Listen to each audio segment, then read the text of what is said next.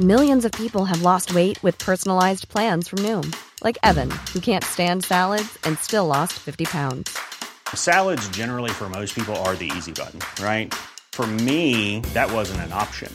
I never really was a salad guy. That's just not who I am. But Noom worked for me. Get your personalized plan today at Noom.com. Real Noom user compensated to provide their story. In four weeks, the typical Noom user can expect to lose one to two pounds per week. Individual results may vary. Varmt välkommen ska du vara till podden om stress och utmattning. Björn Rudman heter jag och här pratar vi brett och vitt, högt och lågt om stressrelaterad ohälsa. Både psykiskt, fysiskt och socialt. Här får du kunskap och tips på hur du kan förbättra just din situation och, och ibland också strategier för att komma framåt. Vill man få tag i mig för att boka föreläsningar till jobbet, boka in sig på onlinekurser eller kanske samtalsterapi är den klart bästa vägen att gå är att surfa in på min hemsida som kort och gott har adressen bjornrudman.se. Men nog om det nu. Nu är det dags för podd igen. Häng med så kör vi. Varmt välkommen.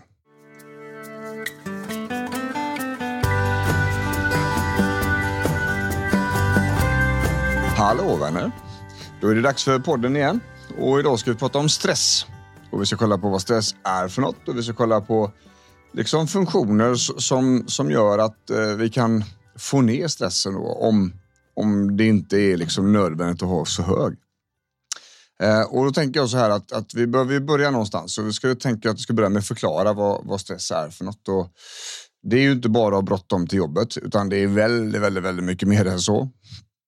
Eh, och man kan säga så här att, att ehm, vi har ju en, en hjärna och en uppsättning nervtrådar. Men vi har lite olika styrsystem på de här grejerna. Eh, och vi har också lite olika startsystem på det här.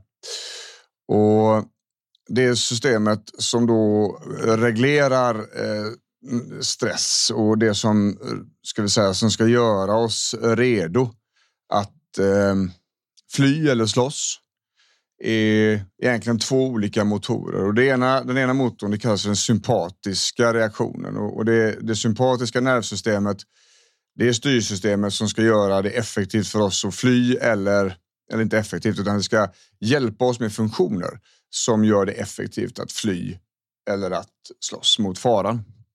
Och man kan säga så här, den reaktionen, den har varit med om när ni har blivit skrämda.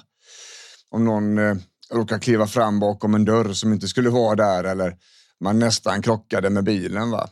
Eh, den typen av reaktion eh, bygger på adrenalin. Och då är det körtlar i huvudet som, som eh, frisläpper detta för att det ska bli då spända muskler, vi ska höja pulsen, höja blodtrycket, liksom riktigt redo att slåss eller att dra därifrån. Det är det ena systemet. Det andra systemet är lite mer okänt och det kallas för HPA-axeln. Och HPA-axeln startar både när man blir skrämd men också på en mycket lägre nivå av oro eller stress. Och det är ett antal olika körtlar som frisätter en hormonkaskad och som ska liksom börja att ska vi säga, öka beredskapen men inte så mycket att det blir en adrenalinreaktion så att säga. Det har inte blivit farligt ännu utan det här är ju mer en, en reaktion på att det kommer att bli farligt, tror hjärnan. Då.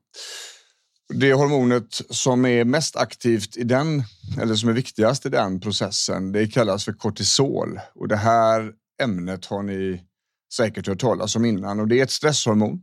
Vi ska ha det här hormonet när vi är stressade och en av kortisolens huvuduppgifter är att gå in i cellerna och i levern och dra ut lagrad energi så att det blir till ett sånt akut blodglukos då, så att vi kan använda det här sockret.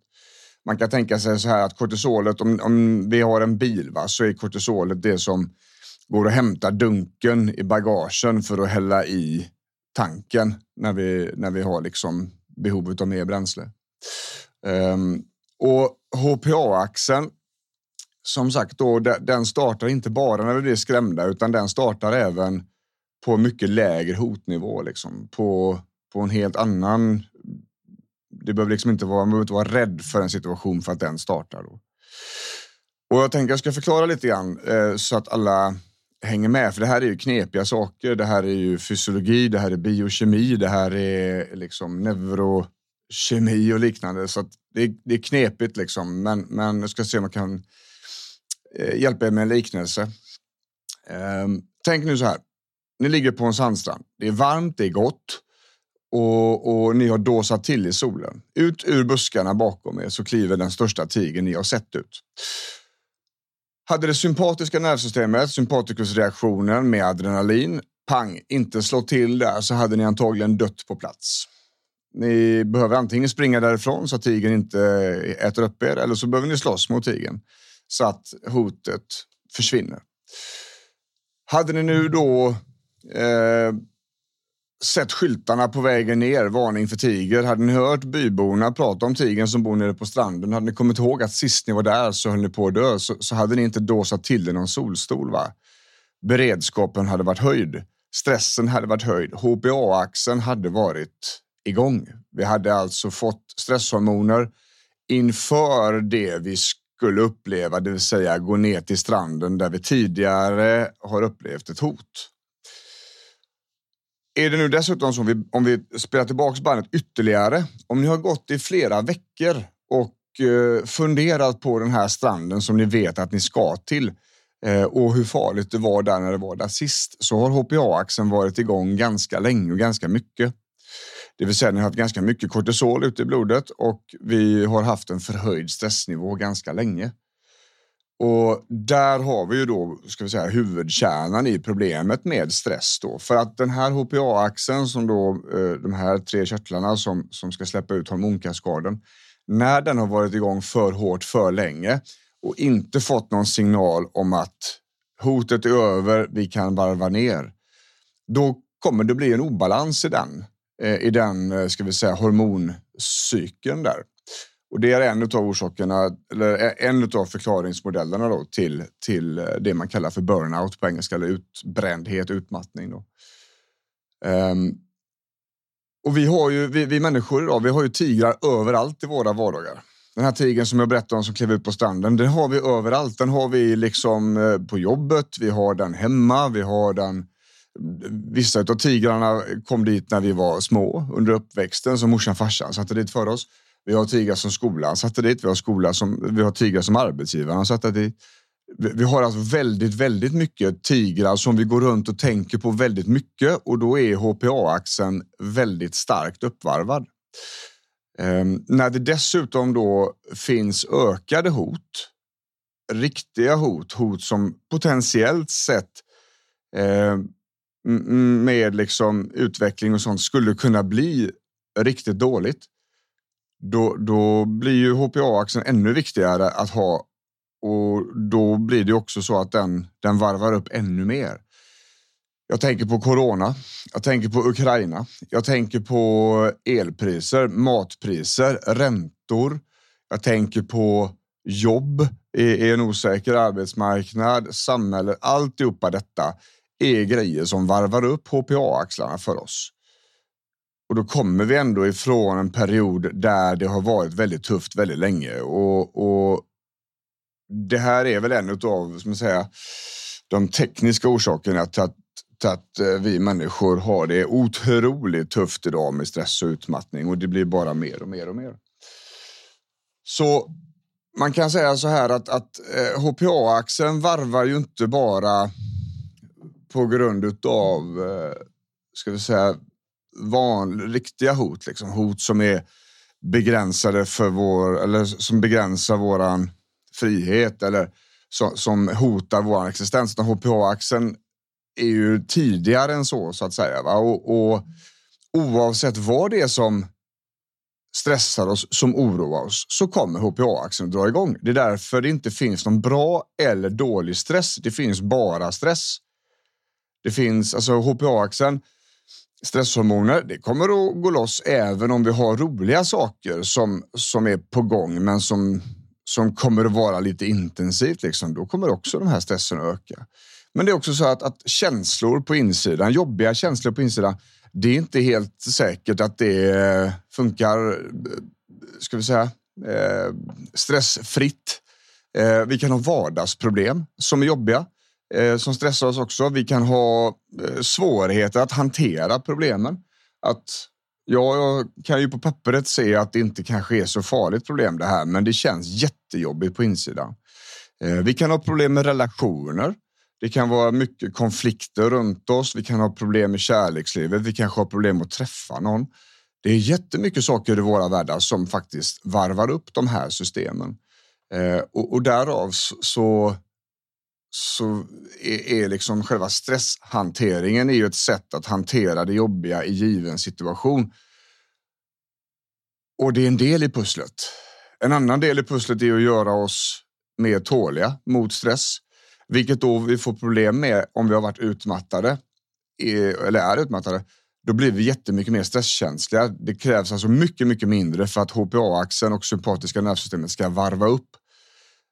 Det här beredskapssystemet, analysen på hotet har ju då blivit lite skev. Så att istället för att inte fungera alls då systemet så fungerar det alldeles för bra. Det är alldeles för ska vi säga, finkänsligt. Jag brukar jämföra det här med brandlarm, ni vet som man har hemma. Så, eh, och, och, Det sitter ju ofta en vit dosa i taket, helst då i hallen eller också i hallen och på lite andra ställen. Ehm, i det brandlarmet så finns det en sensor som ska känna röken och det finns också eh, ett, en klocka liksom, eller sådär, va, som då ska ringa när larmet går. Stressen, eh, HPA-axeln, är då ehm, eh, sensorn i det här larmet. Medan det sympatiska nervsystemet, själva ringtonen, larmet, det är de två som hänger ihop.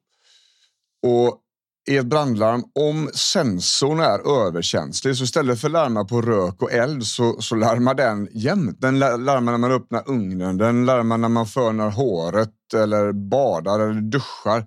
Den larmar hela tiden.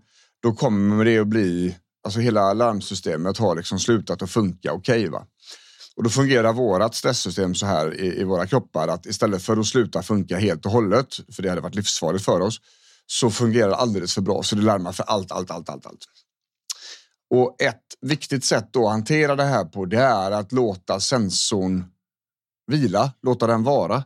Och det är ju inte så lätt eftersom den larmar på hot och sådär. Va? Och då får man ju då hjälpa huvudet och titta på vad är hot egentligen? Vad, vad, vad händer i oss vid de här situationerna? Ehm, ett, ett vardagsproblem till exempel.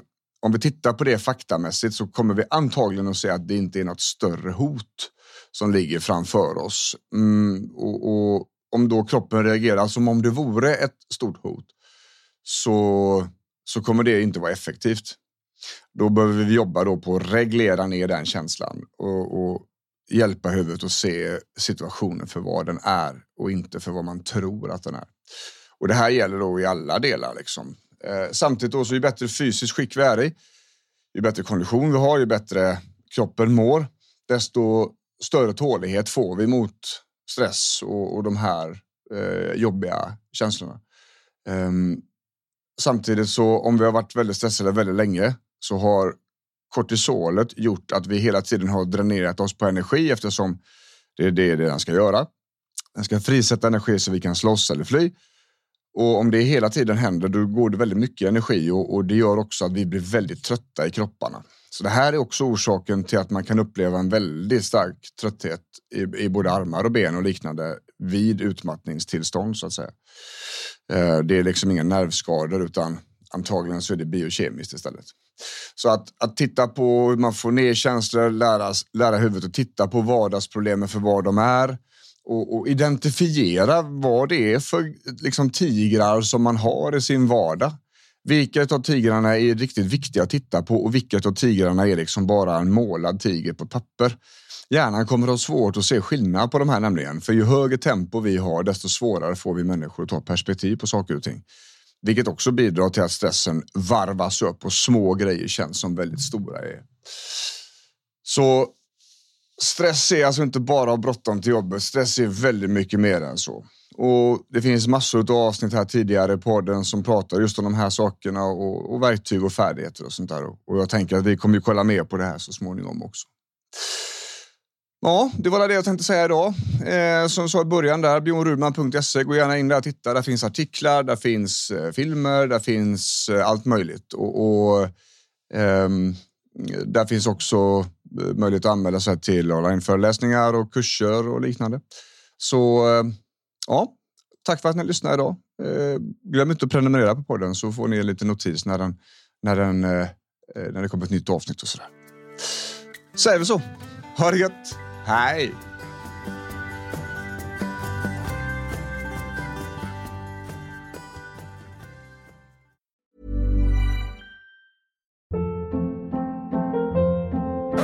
Hold up. What was that? Boring. No flavor. That was as bad as those leftovers you ate all week. Kiki Palmer here, and it's time to say hello to something fresh and guilt-free. Hello Fresh. Jazz up dinner with pecan-crusted chicken or garlic butter shrimp scampi. Now that's music to my mouth. Hello Fresh. Let's get this dinner party started. Discover all the delicious possibilities at hellofresh.com.